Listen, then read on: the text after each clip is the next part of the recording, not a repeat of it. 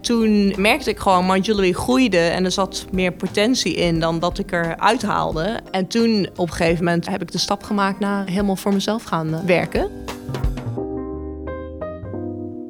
Ik heb niet zo van, oh, ehm, nu moeten we dit gaan bereiken. Dat groeit. Welkom. Leuk dat je luistert naar deze speciale podcast van MT Sprout, powered by EY. Mijn naam is Philip Buters en ik spreek met Sharon Hilgers. Zij is de oprichter van My Jewelry, een bedrijf in accessoires, sieraden en kleding dat ze heeft groot gemaakt. Ze begon iets meer dan tien jaar geleden en ze heeft inmiddels 26 winkels, een bloeiende website, 700 medewerkers en 200 man op kantoor.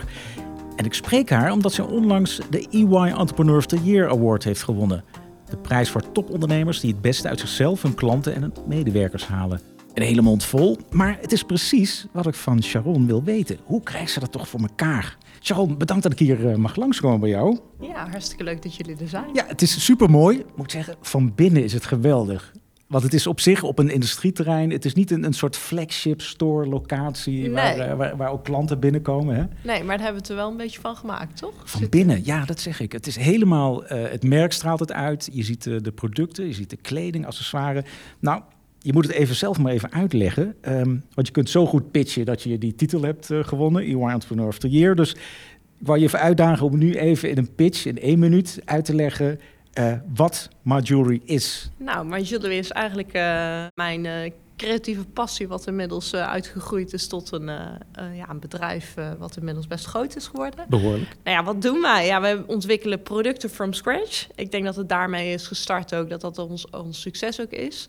En daarnaast proberen we het op een hele inspirerende, vernieuwende manier in de markt te zetten. Dus online via social media. Eh, en we hebben inmiddels 26 boutiques. Vijf in België, één in Duitsland en de rest in En allemaal eigen Ja. winkels. Geen Ja, franchise, klopt. gewoon helemaal zelf nee, willen we opgezet. ook allemaal in eigen beheer houden. En ja, ik denk eh, met eigenlijk alle groei en de nou ja, een, een nieuwe winkel in Duitsland... maakt dus dat wij hier intern weer heel veel nieuwe lessen hebben. Eh, dat we HR weer anders moeten inrichten. Dat we continu leren hebben. eigenlijk.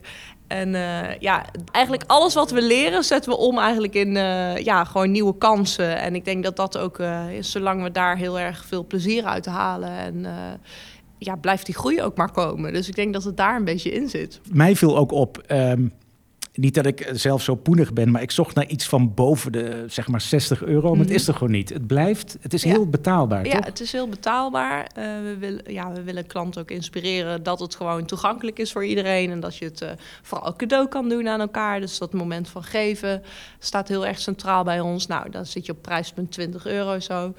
Ehm, en we hebben inderdaad wat eh, items van 50, 60 euro. En die doen het ook goed. Dus dat zijn dan wel weer iets meer, ja, die, iets meer giftwaarde. Ja. Want wie, wie is dan die doelgroep? Een jonge doelgroep? eh, ja, wel. Maar aan. ik zeg ook altijd, mijn moeder draagt het ook. En eh, het is, wat dat betreft zijn de sieraden ook heel leeftijdsloos. We hebben bijvoorbeeld de moeder-dochter armbandje. Is ook juist een armbandje voor, nou ja, misschien een jongere dochter. Maar wel, de moeder draagt ook gewoon een mooi armbandje van Jewelry. Ja. Ehm, dus ik...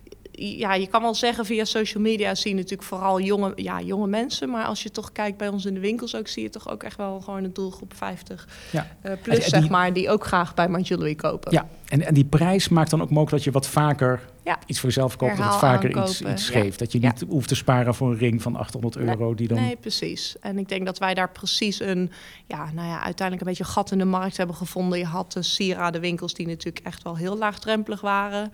Eh, en je had tre ja, trendjuweliers of juweliers. En wij Ja. zitten echt een beetje daartussenin. Met de uitstraling dus echt van een, eh, nou ja, van een, van een brand, zeg maar. Van Precies, wat wil je ook kwijt? Ehm, maar het is een enorme groei. Je hebt 700 medewerkers. Ook vorig jaar volgens mij je, het aantal mensen op kantoor verdubbeld. Van Ja. 100 naar 200. Ja, klopt. Dat is waanzinnig. Ehm. Wil je ook kwijt waartoe heeft geleid? In termen van, van omzet, Nou, het heeft Uh, nou, wij hebben toplijn hebben we een heel goed jaar achter de rug. 2022? Uh, 2022 zag er zag heel goed uit. We merkten wel dat eigenlijk met de groei van... en ook een beetje wat, wat je in de markt zag... dat alle prijzen natuurlijk ook stegen. Ja. Dat wij wel uh, ook de nodige operationele uitdagingen uh, hadden. Want je hebt de prijzen niet verhoogd met Nou, 11,2 procent of niet, uh, niet inflatie? direct eh, op bestaande producten, Nee, maar wel nieuwe nee. producten die we uitbrachten... zijn natuurlijk wel ja, automatisch wat mee, Ja. meegegroeid. dus dat ja, betekent dat de marges... overgangsfase. Ja, ja. Dus da dat hebben we in 2022 wel ervaren.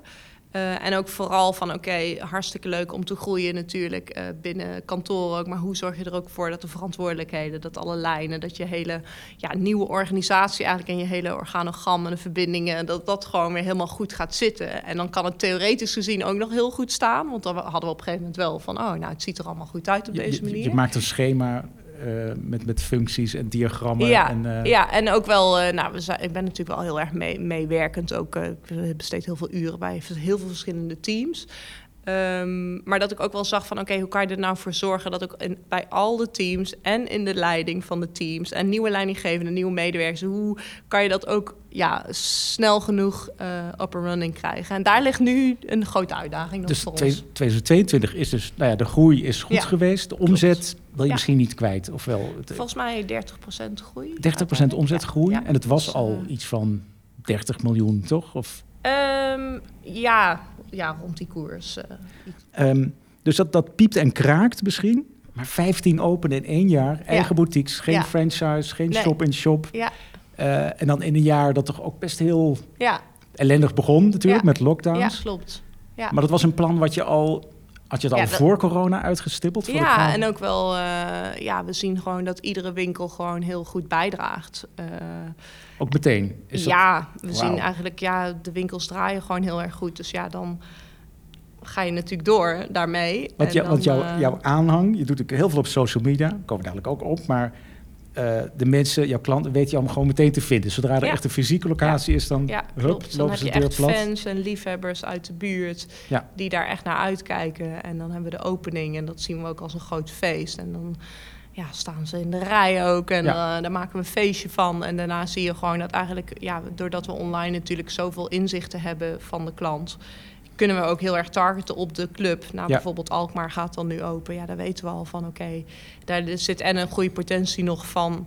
eh, klanten die we eigenlijk van eh, offline naar online willen krijgen. En andersom, oké, er zijn al heel veel online liefhebbers. Hoe kunnen we die nog sterker aan ons verbinden herhaal, en de, herhaal aankopen laten doen? Ook in de Ja. fysieke locatie. En Dus Alkmaar zit, wordt eh, dan ook een winkel die eh, vanaf dag één, nou je haalt de huur eruit, hij draagt Ja. bij aan de marge.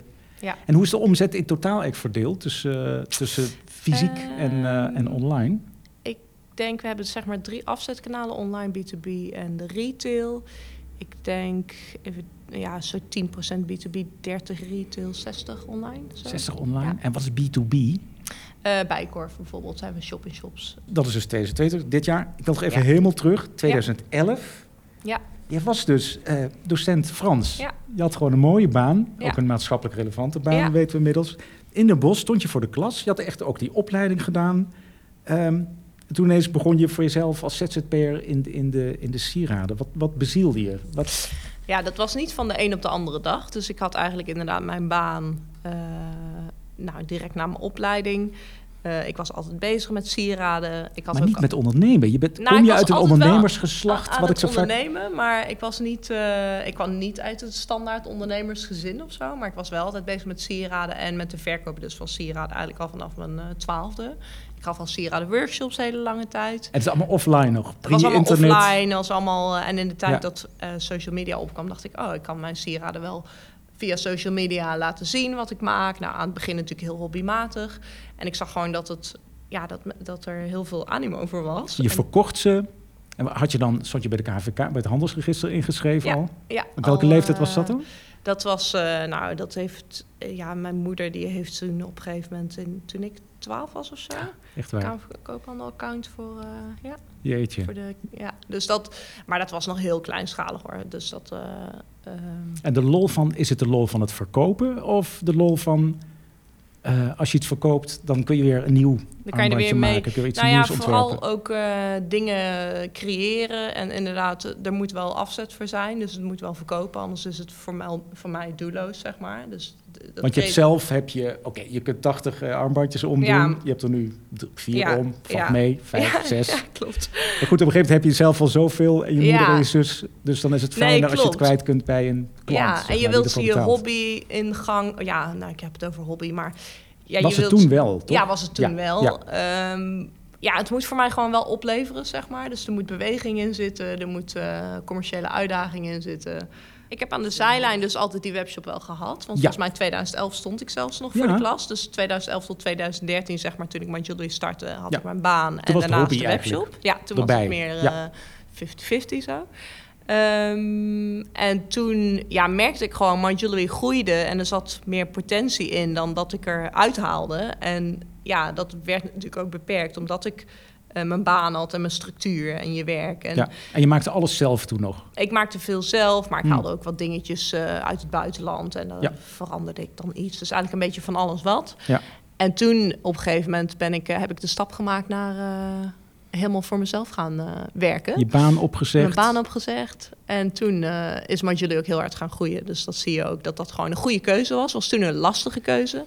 Want je hebt natuurlijk na een tijdje ook al je collega's. En je bent op een school ook gauw een soort van eh, pilaar of zo.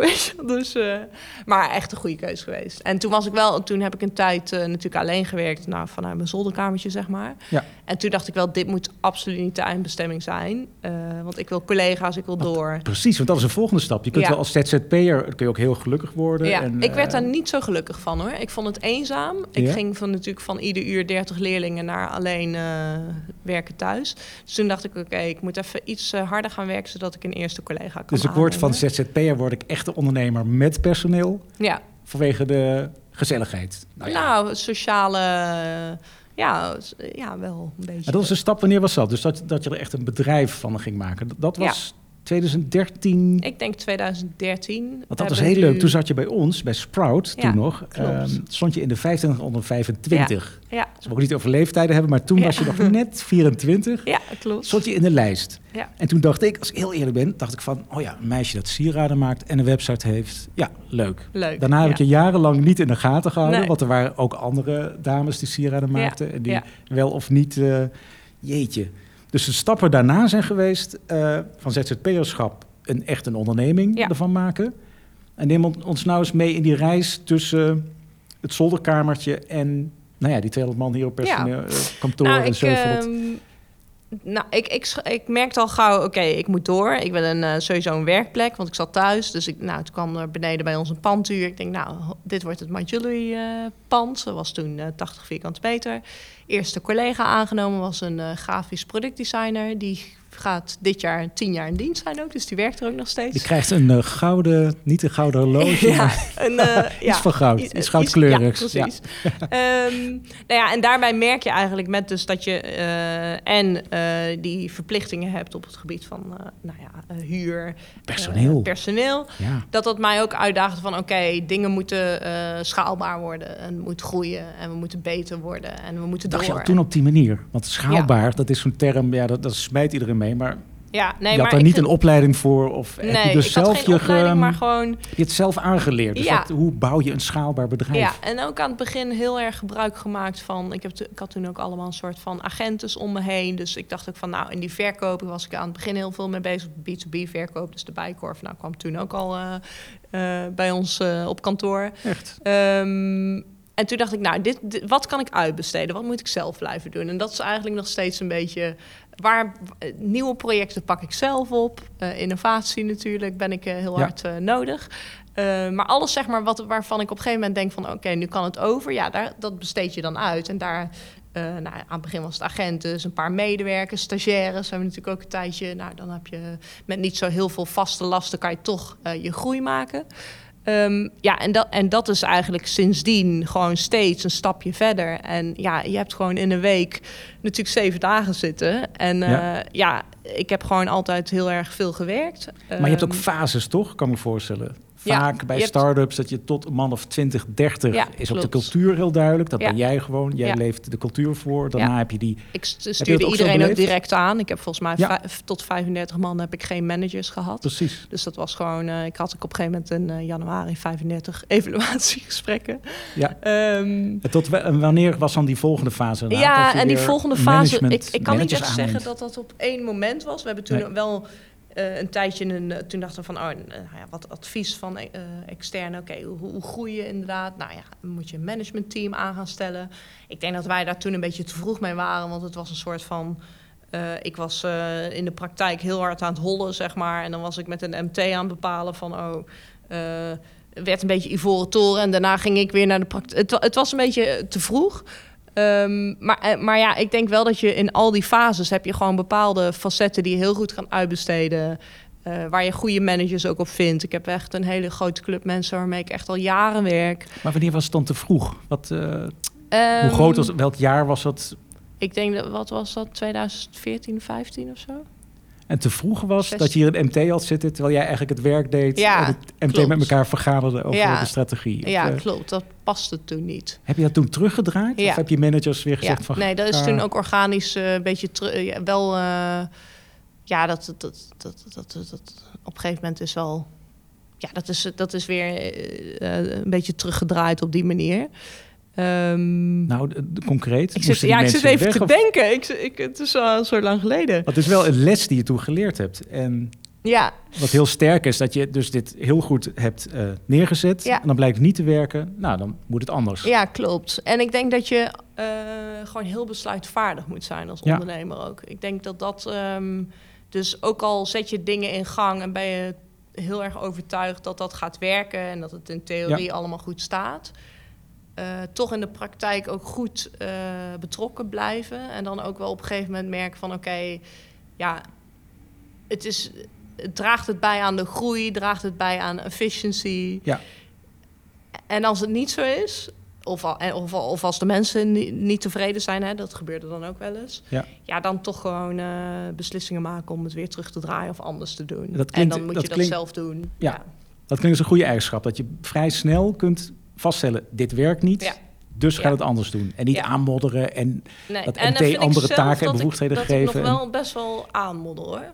Want ik wil dat het toch... te lang ben je Ja, ik ben ongeduldig. heel erg wel met mensen betrokken en zo. Dus ik, ik- dat vind ik dan ook eh, moeilijk. dat is Maar een ik, ander hoofdstuk. Dat het dus individueel, dat het dan moeilijk is om Ja. iemand te zeggen, je moet iets anders doen. ja, of als je iemand Misschien wel persoonlijk buiten. mag. Of, Ja. weet je wel. Dus dat, is, dat is, eh, vind ik altijd nog, weet je, je hebt toch, een, toch nog een menselijk aspect, zeg maar. Maar uiteindelijk denk ik wel van, ja, ik maak die beslissingen wel voor het verbeteren van de business. En daar eh, ben ik ook verantwoordelijk voor, vind ik.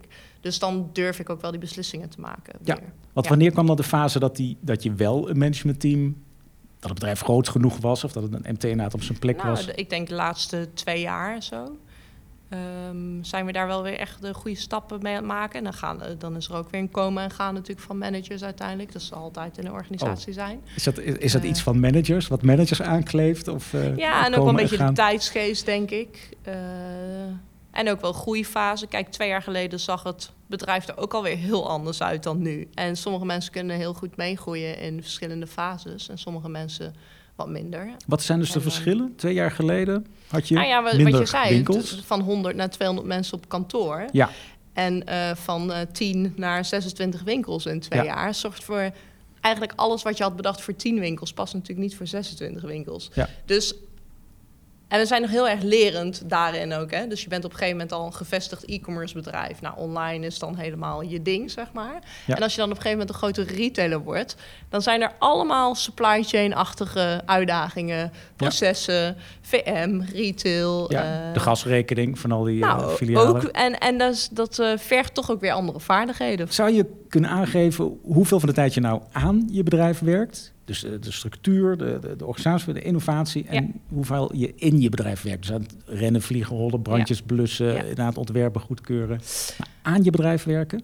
Nou, ik denk dat eh, als je het moet eh, in je week moet passen, als het in je week moet passen, denk ik vier dagen hollen, vliegen, rennen en eh, één dag aan het bedrijf.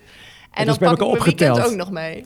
Je pakt niet één dag om Nee, te gaan werken nee, aan je nee, bedrijf. Nee, Eh, en ik eh, heb natuurlijk wel heel veel hele goede collega's hier die mij ook helpen om te werken aan het bedrijf. Dus ik signaleer iets. Ehm, nou, de beoordelingsformulieren van HR moeten.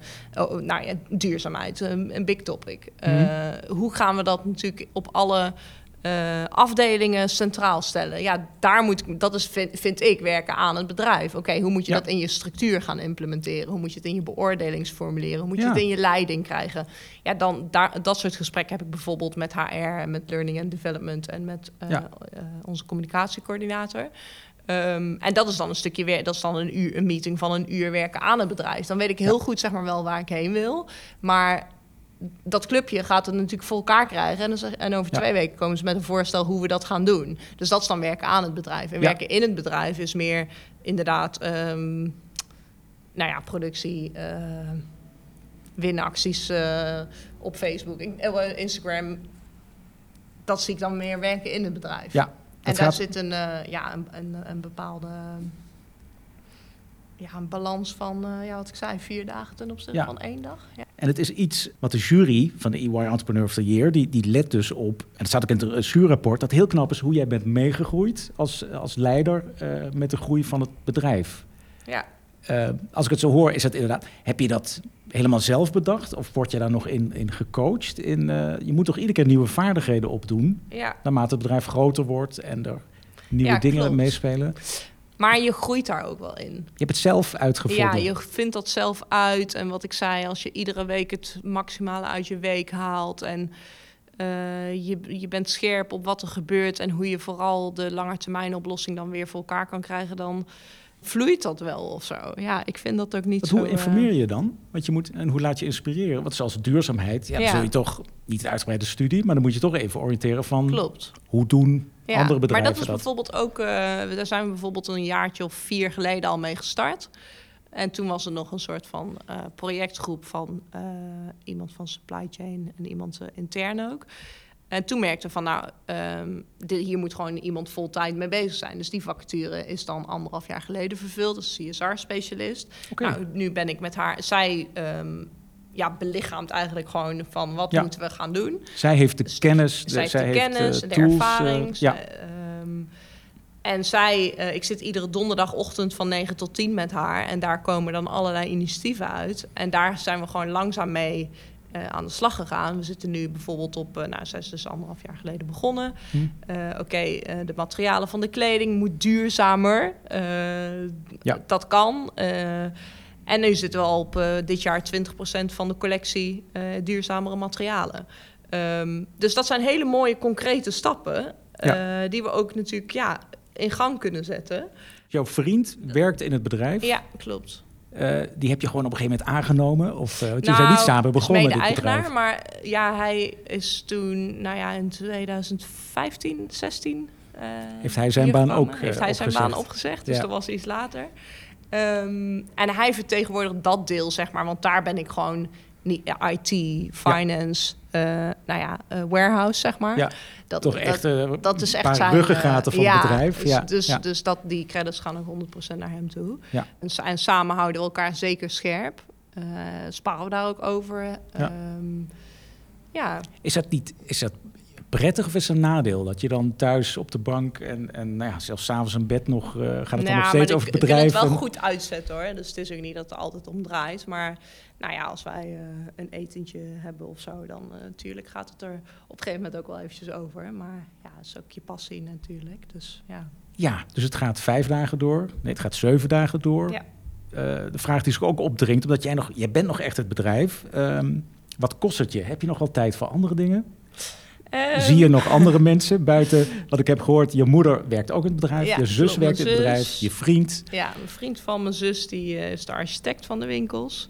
Ja. Ehm, Zie je nog andere mensen? Heb je nog tijd? Heb, ja, hobby's? ja, we hebben eh, gewoon weekenden ook. Dus dat is eh, alleen de... ja. Zondag, niet zaterdag en zondag, toch? Je Nee. niet een heel weekend... Nee, je bent ook altijd natuurlijk al een beetje aan het werk. Maar nee, we hebben ook nog vrienden. En, en daar heb je tijd voor. Daar maak je dingen. tijd voor. En daar maak ik ook tijd voor, zeker. Ja. Dus ik heb dat juryrapport gelezen. Je blonk uit ook door je drive. Nou, dat hebben we nu wel, wel gehoord. Als we naar de toekomst kijken van wat wil je nou met het bedrijf eh, bereiken? Dus wat is jouw drive om maar door te gaan. Ja, vijf, zes dagen ja, per week. innoveren. Ik denk dat dat... eh, kijk, het, het proces ehm, vind ik heel belangrijk. Nou ja, hoe ontwikkel je je inderdaad als merk, als organisatie?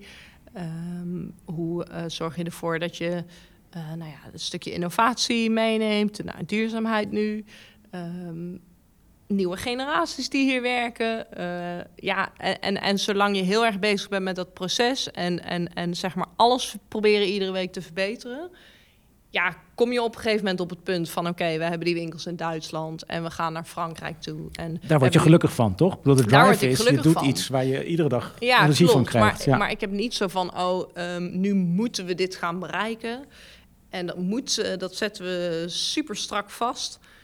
Nee, dat, dat, dat groeit. Eh, maar ja, over tien jaar, moet ook hè, stip op de horizon, ja. heb je dus in Duitsland meer winkels. En misschien in, in, in andere landen ook. ja, maar eh, ik weet ook niet hoe de tijd zich gaat ontwikkelen. Dus dan, eh, Nee. ik, ik denk zeker, we maken nu eh, online gezien een mooie stap in Duitsland. Frankrijk, we hebben de website een half jaar geleden in het Frans gelanceerd. Nou, we hebben hier nu twee Franse collega's, dus dat is hartstikke leuk.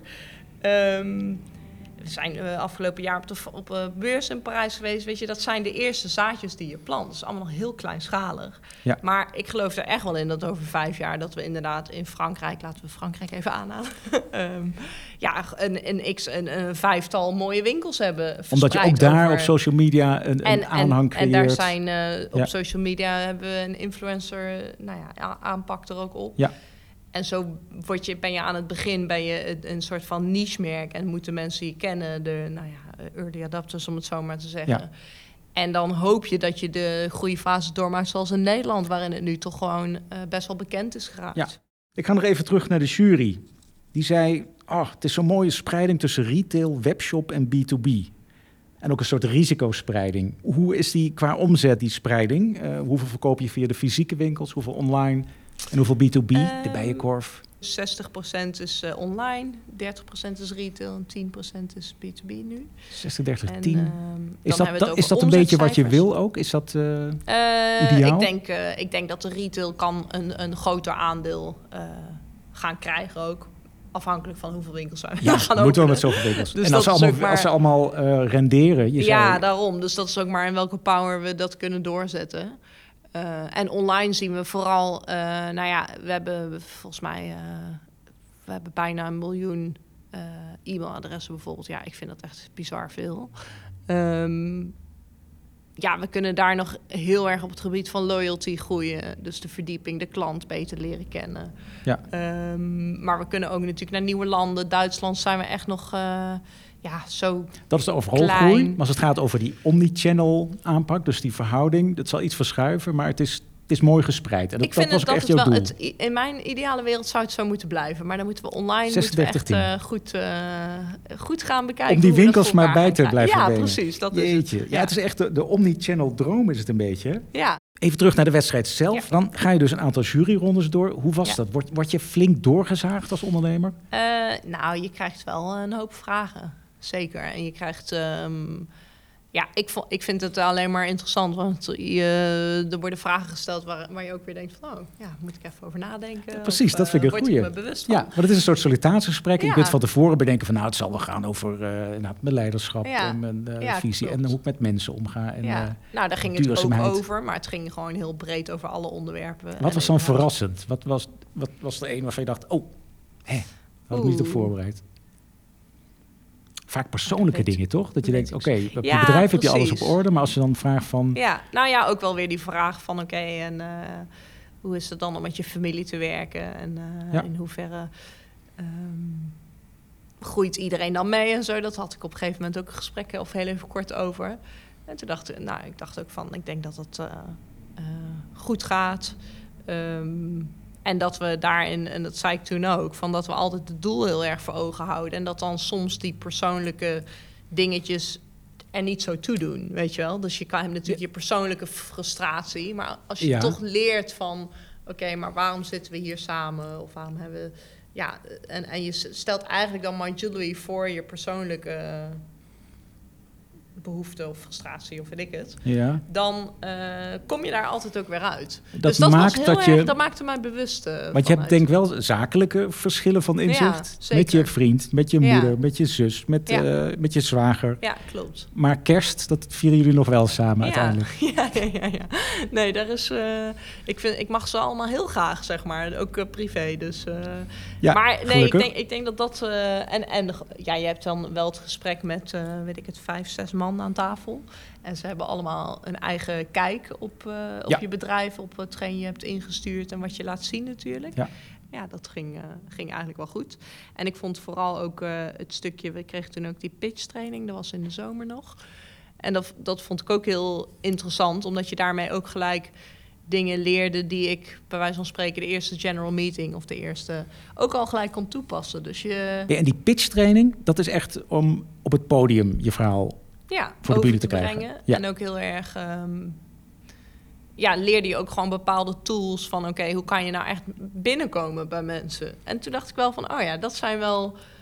Vond, vond ik, het is heel, heel zo- soort voor de hand liggend. Maar dat is natuurlijk eigenlijk het belangrijkste. Dat je mensen raakt of zo. Of dat Ja. je mensen in beweging kan krijgen. En hoe zorg je daar dan voor? Ja, die award, ja, op een gegeven moment heb je hem gewonnen. Dus hoe was dat dan? Dus het was in, eh, in Hilversum, Ja. Studio 21.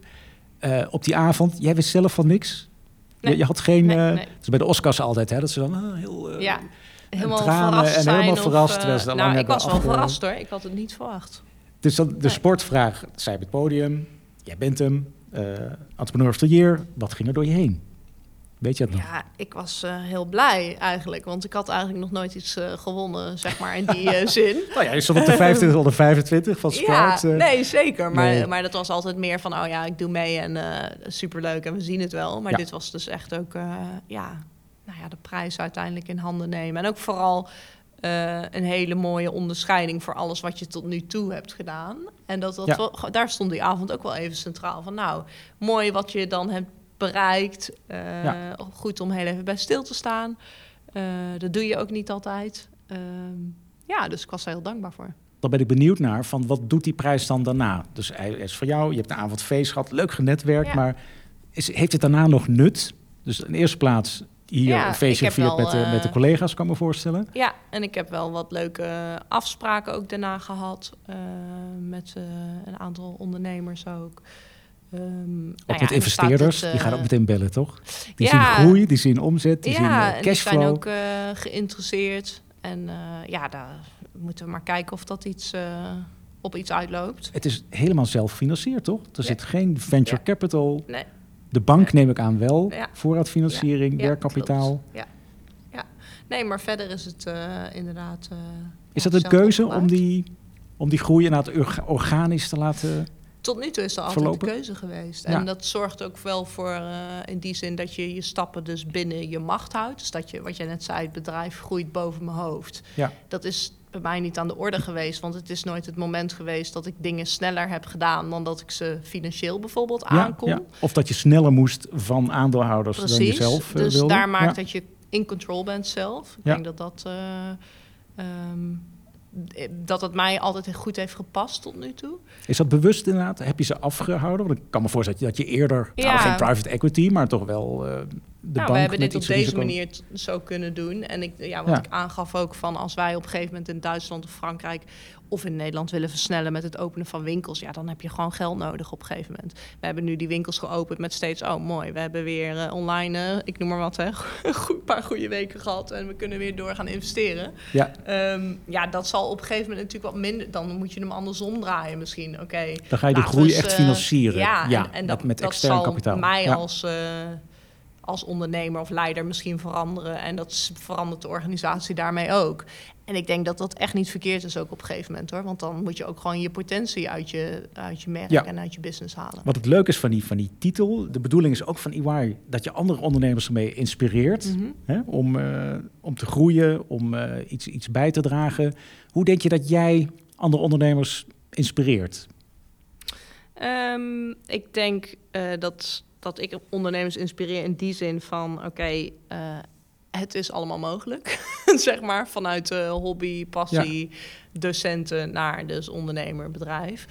Eh, ik denk dat ik ook wel... ehm, on, nou, in die zin heel dicht bij mezelf blijf dus. En heel, ja, wat ook misschien hier wel uitkomt, gewoon heel praktisch bezig ben met mijn bedrijf, aan mijn bedrijf, in mijn bedrijf. En dat daar mijn gehele focus ligt. Ehm, ja, met het stukje geduld krijg ik heel vaak van ja, ik, uh, ik wil ook groeien. Ik wil ook zo'n bedrijf. Nou, heel even plat gezegd. Word je benaderd door, door andere ondernemers? Ja, door an en dan denk ik ook van, weet je, je moet ook heel veel geduld en iedere week opnieuw uh, gemotiveerd zijn om uh, te ontwikkelen, om in de processen te zitten, om ja, um, ja echt wel heel, ja, soms echt een tien stappen achteruit om er weer één vooruit te zetten. Weet je, het vergt wel veel van je, maar daar moet je dus ook wel toe bereid zijn. En de volgende stappen, dus je hebt die award op zak, eh, het levert, uh, kom je dan in een, in een netwerkje van, van EY terecht? Van alumni? Nou, dat zijn nogal namen, hè? er komt nog wel een uh, mooi programma dit jaar natuurlijk in het buitenland. Dus daar kijk ik heel erg naar uit. Oh, je gaat naar Monaco, geloof ik. Ja, ik heb dus, voorkennis. Daar is de, de uitreiking van de EY World Entrepreneur of the Year. En daar moet je echt weer pitchen. Ja. In het Engels. Ja. Ja, dan moet ik gewoon weer even goed gaan voorbereiden. Even voor kunnen we gewoon het Frans doen trouwens. Ja, dat zou ook leuk Monaco zijn. Monaco is Franstalig. Ja, ja, ja. ja, nee, dus uh, uh, nou, dat staat sowieso op de agenda. En um, ja, het, ik denk dat er ook nog wel af en toe... Nou ja, ik heb bijvoorbeeld nu wel wat contacten. Ja, het is interessant om dat te onderhouden. En om daar te kijken van oké, okay, in bepaalde fases van je bedrijf... of ja, wie, wie kan je daarvoor nodig hebben? Volgens mij praat het heel makkelijk. Ja, ja, Dat je een community hebt van hele goede Zeker. alumni, van, ja. van entrepreneurs die hem eerder hebben gewonnen. Ja. En, die... en uh, toch ondernemers die een stuk verder zijn weer. Dus ja. Uh, ja. Nou, dankjewel Sharon. Ik vond het een tof gesprek. Um, ik ga van je duimen straks in juni natuurlijk.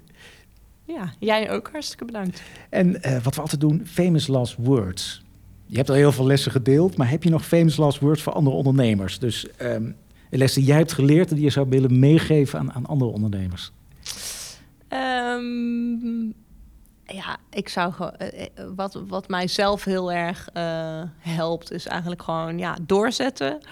Um, openstaan voor veranderingen, voor andermans inbrengen. Um, ja, flexibel en geduldig. Ik denk dat dat mijn soort van kernwoorden zijn. Uh... Ja, grappig hè, geduldig. Ja. Dat is echt wel een soort, soort coming out. Ik had van alles bij jou voorgesteld, maar geduld. Ja, nee, ja, geduld moet je wel hebben. Ja. ja, en als je maar geduld hebt, dan groeit je bedrijf in, in, in met een, elf met jaar tijd power. ja. van niks naar tientallen miljoenen. Van het, nou, nee, super bedankt.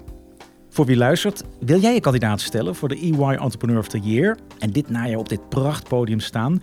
Check dan op ey.nl slash EOY voor meer informatie over het EY Entrepreneur of the Year programma en de selectiecriteria. Dat is dus ey.nl slash EOY. Blijf op de hoogte van Sharon Hilgers en alle andere belangrijke spelers en ontwikkelingen van Ondernemend Nederland op onze website. En luister ook naar de podcast met Josephine Groot van Q-Layers, winnaar in de categorie Emerging in de EY Entrepreneur of the Year. Bedankt voor het luisteren.